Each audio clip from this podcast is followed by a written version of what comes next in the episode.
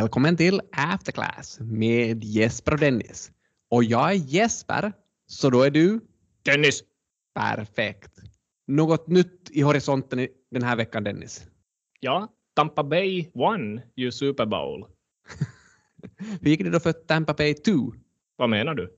Jag tänkte om du sa Tampa Bay won? Ja, ja. Jag menar Tampa Bay Buccaneers vann Super Bowl. Och vi sa ju det att vinner det här laget från den här konferensen så blir det bull market 2021. Så det är ljusa dagar framför. Det var kanske inte den mest intressanta nyheten. Har vi någonting ännu bättre att komma med? Alla pratar ju om det här att Tesla investerar 1,5 miljarder i bitcoin. Okej, så det här blir ännu ett avsnitt när vi pratar lite om Elon Musk, Tesla och bitcoin. Det blir väl lite så där. Vi vet väl alla att världen kretsar kring Elon Musk. Därför måste ju också Afterclass kretsa kring Elon Musk.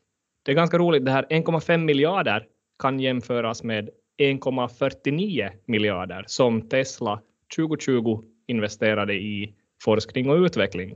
Samtidigt gjorde väl den här Teslas bitcoin-investering att Tesla nu är det publika företag med näst mest bitcoins i sin ägo. Jo, jag har förstått att ett företag som heter MicroStrategy är det publika företaget i världen som har flest bitcoins. Det är ju faktiskt inte så många publika företag som äger bitcoins. Och om man skulle sätta in finska tullen, som vi har pratat om i flera avsnitt tidigare, och deras bitcoin-innehav, så skulle de faktiskt vara det företag med sjätte mest bitcoin av alla publika företag. Imponerande. Har de sålt sitt innehav ännu? Inte vad vi vet. Och vi ska säga att det var alla publika amerikanska företag. Men det här att både Tesla och MicroStrategy äger så här mycket bitcoins, det gör ju egentligen att alla passiva investerare eller indexinvesterare också blir bitcoinägare. Ja, just det ja. För Tesla kom ju med i det här S&P 500 här nyligen. Så om jag äger någon slags S&P 500 ETF, hur mycket bitcoin har jag då? Ja, av din investering i S&P 500 går ungefär 0,0034 procent till bitcoin. Så vare sig jag vill det eller inte har jag kryptovaluta i portföljen. Så varför investerar då dessa företag i bitcoin? Ja, det är förstås lite oklart, men nog tror vi väl att Elon Musk på något sätt långsiktigt tror på det här. Lite roligt är väl att det var faktiskt en Twitter-diskussion i december mellan just VDn för MicroStrategy, Michael Saylor, och Elon Musk, där Michael egentligen uppmanade Elon att ta en del av Teslas kassa och investera den just i bitcoin. Men det hade väl läckt lite på Reddit redan att Tesla kanske höll på att investera i bitcoin? Ja, det fanns väl någon tråd från början av januari där det var någon som sa det att hej, jag jobbar på Tesla och de senaste timmarna har vi handlat väldigt mycket bitcoin så att jag tror att priset kommer att gå upp så småningom. Det var ganska roligt för att det visade sig vara en, en tysk så kallad prankster som hade startat den där tråden. Och han har senare gått ut och sagt att jag hade tagit väldigt stark narkotika förrän jag skrev den där grejen och det, det var bara en så kallad trollpost. Så den här posten på Reddit var inte sann? Ja, någon slags dröm som gick i uppfyllelse där. Det är ganska roligt där med Teslas investering i bitcoin gör att priset på bitcoin går upp och går bitcoin upp så vill fler mina och det går åt mer elektricitet så det betyder att kostnaden för att ladda Teslas bilar blir dyrare så kanske i slutändan går vi alla tillbaks till förbränningsmotorer. Det var en intressant vinkel på det här hela. Men vad är liksom grejen med det här? Varför investerar företag i riskfyllda tillgångar som bitcoin? Länge så hade man den här åsikten att företag inte borde investera en del av sin kassa i just riskfyllda finansiella tillgångar. Man tänkte att företag håller sin kassa i just pengar eller möjligen investerade i statsobligationer. Men det var ganska nyligen ett papper från JF. Är det forskning? Ja, det här är forskning vi pratar om nu. Journal of Finance. Ja, där Dushin visade att företag håller faktiskt förvånansvärt mycket riskfyllda finansiella tillgångar. Så hur mycket pratar vi om? De fann att stora publika företag håller ungefär 40 procent av sin, vi kan kalla det kassa, i riskfyllda finansiella tillgångar. Vad är då de här tillgångarna? Så det här kan till exempel vara just företagsobligationer, att man lånar då egentligen ut pengarna till andra företag. Det kan vara investeringar i aktier eller någon annan typ av finansiell tillgång. Så det här är ändå tillgångar med rätt så hög risknivå. Förstås inte lika riskfyllda som bitcoin, men man är ändå beredd att ta risk med den här kassan. Forskning har överlag visat att företag idag tenderar att hålla en större kassa än företag för 20 år sedan. Just det, ja. Och då måste man göra någonting med de här pengarna. Jag hörde att Google har ju också investerat i ett sånt där eget handelsgolv där man helt enkelt sätter sprätt på likvida medel. Enligt källor på insidan så är det ungefär så där att man man har fått instruktionen att okej, okay, vi har 130 miljarder i kassan. Nu ska vi investera en del av det här i riskfyllda grejer. Vi ska gå in i allt som inte hinner upp i trädkronorna. Ja, man kan ju fundera om det här är vettigt. För det är en sån här klassisk fråga det här att är det inte på så sätt att företag borde fokusera på sin verksamhet istället för att fokusera på hur man på bästa möjliga sätt ska investera i finansiella tillgångar. För det där var ju inte riktigt vad Google kanske traditionellt sett brukar hålla på med. Nej, det hör ju inte riktigt till Alphabets uh, affärsmodell. Det var faktiskt så att det här forskningspappret, Dushin et al, hade en liten teoretisk modell också där de förutspådde att företag med större agentproblem, alltså ni minns det här när det kan vara så att VDn och ägarna vill lite olika saker, så de förväntas hålla mer riskfyllda finansiella tillgångar. Och den här forskningen finner också empiriskt stöd för det här påståendet.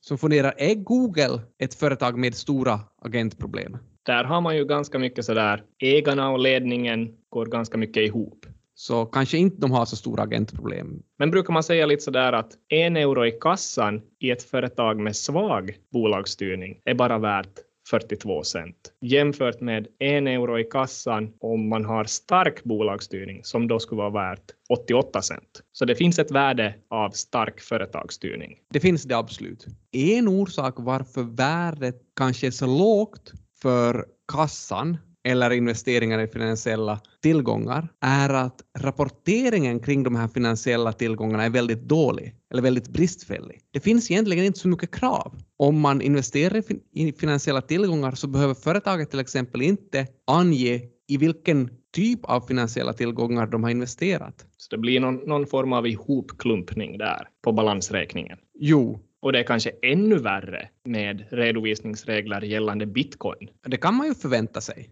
För att vanligtvis är det ju lite sådär att verkligheten springer förbi redovisningen. Och gällande bitcoin så är det väl ungefär så här nu att det är så pass få företag som har mycket bitcoin att det finns inte egentligen regler om var man ska sätta det exakt. Standarden skulle vara att lägga det som någon slags immateriell tillgång, en digital immateriell tillgång. Som jag förstår det så har man väl ofta immateriella tillgångar som heter just immateriella tillgångar, eller så finns det en del av de immateriella tillgångarna som kallas goodwill. Jo, egentligen kommer de där bitcoinen i Teslas fall nu då i framtiden att behandlas på samma sätt som goodwill. Intressant i det här Teslas köp av bitcoin var ju att det hände efter bokslutsperioden, så att ännu ser vi det inte exakt på balansräkningen. Istället tar man bara upp det i en not till bokslutet att efter bokslutsperiodens slut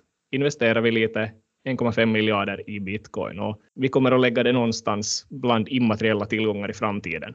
Det är lite skojigt att en not får mer uppmärksamhet än själva resultatet för det här kvartalet. Absolut, absolut. Du sa att det behandlas som goodwill, så vad, vad betyder det här då riktigt? Ja, det betyder att man kommer att behandla dem på samma sätt som goodwill, vilket gör att man gör sån här nedskrivningstest med jämna mellanrum. Man kommer aldrig att skriva upp värdet om kursen på bitcoin går upp till exempel. Så det finns inte så många företag med bitcoin på sin balansräkning, men vad bokför man vanligtvis som goodwill, eller hur skapas goodwill? Det låter ju som man måste göra någonting gott. Ja, det låter ju väldigt bra och positivt. Men eh, goodwill är ju egentligen redovisningsmässigt skillnaden mellan köpeskillingen och värdet på tillgångarna som har köpts i ett företagsförvärv minus skulderna. Så man kan prata om skillnaden mellan köpesumman och nettoförmögenheten. Så det låter ju som att man får mycket goodwill om man betalar höga pris när man köper upp andra företag.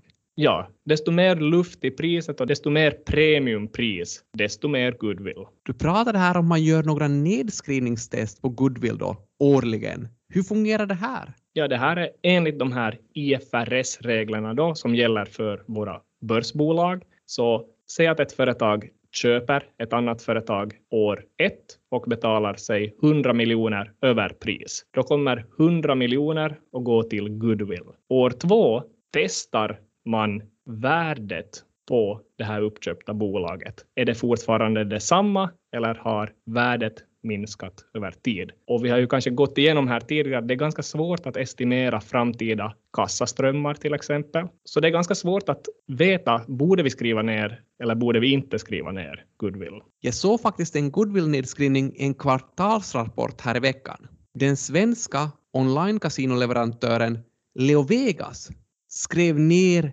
det goodwill som hade skapats efter deras köp av ett brittiskt företag som hette Royal Panda. Okej, så ett lejon hade köpt en panda och nu var inte pandan värt lika mycket längre som man trodde vid köpet, eller? Nej, man påstod till och med att pandan är värd ungefär 10 miljoner mindre än vad man trodde vid köpet. Vad tror du att marknadsreaktionen var på det här? Generellt vid goodwill-nedskrivningar brukar man prata om en reaktion, negativ reaktion i snitt på 3 till 5 procent. Så jag gissar negativ reaktion. I det här fallet så var det faktiskt en positiv reaktion på nästan en 10 procent. Men man kanske kan tänka sig att det fanns andra bättre nyheter i den här rapporten också som ledde till den här positiva reaktionen. Men det här var Sverige. Har vi någonting på Finland? Och det där var ju också en ganska liten nedskrivning. Du säger 10 miljoner euro eller kronor? Euro. Euro. Jag såg till exempel att Commerzbank, den här stora tyska banken, gjorde en sån här en och en halv miljarder euros nedskrivning också i början av året här. Så det är kanske lite andra. En och en halv miljard. Var har man hört den siffran förut? Det måste vara någon tweet av Elon. Men det var de här finska bolagen jag var intresserad av. Har vi någonting där? Ja, alltså bland de finska börsbolagen så har man, jag kollar nu på 2019 data för att alla rapporter från 2020 finns inte ännu, så i snitt där lite under 20 procent goodwill av hela balansräkningen. Hittar du något företag som har väldigt hög goodwill då? I toppen där 2019 så har vi Enento Group. Minns du då vi tog fram det här data för Edenred Finland i det här julavsnittet? Eh, jag minns.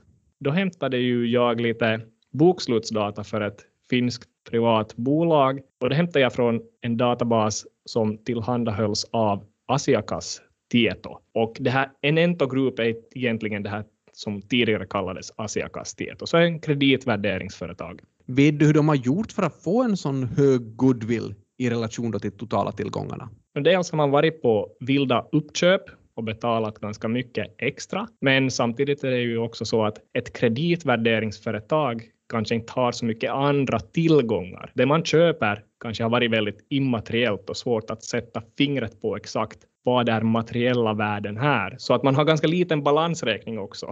Så att dividera någonting stort med någonting lite större bara, så får man mer än 60 procent.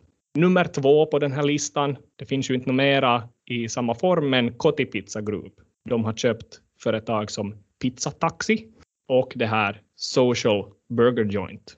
Så de hade också över 60 procent i relation till totala tillgångar. Så där finns det ju också lite pizzadeg i balansräkningen. Men nu finns ju tyvärr inte Kotipizza med oss numera, för det blev ju uppköpt av Orkla just under 2019. Ja, precis det. Och kanske det var också lite goodwill som uppstod i det köpet också. Ja, var det kanske lite goodwill hunting som Orkla var ute på när de köpte upp Kotipizza? Ja, definitivt. Man var nog knappast ute efter pizza i alla fall. Ja, det var inte pizza de var ute efter, men när vi tänker på goodwill, tror du vi har något goodwill på vår balansräkning? I alla fall ingenting som behöver nedskrivas. Och nästa vecka fortsätter vi enligt samma recept i samma kanal i After Class.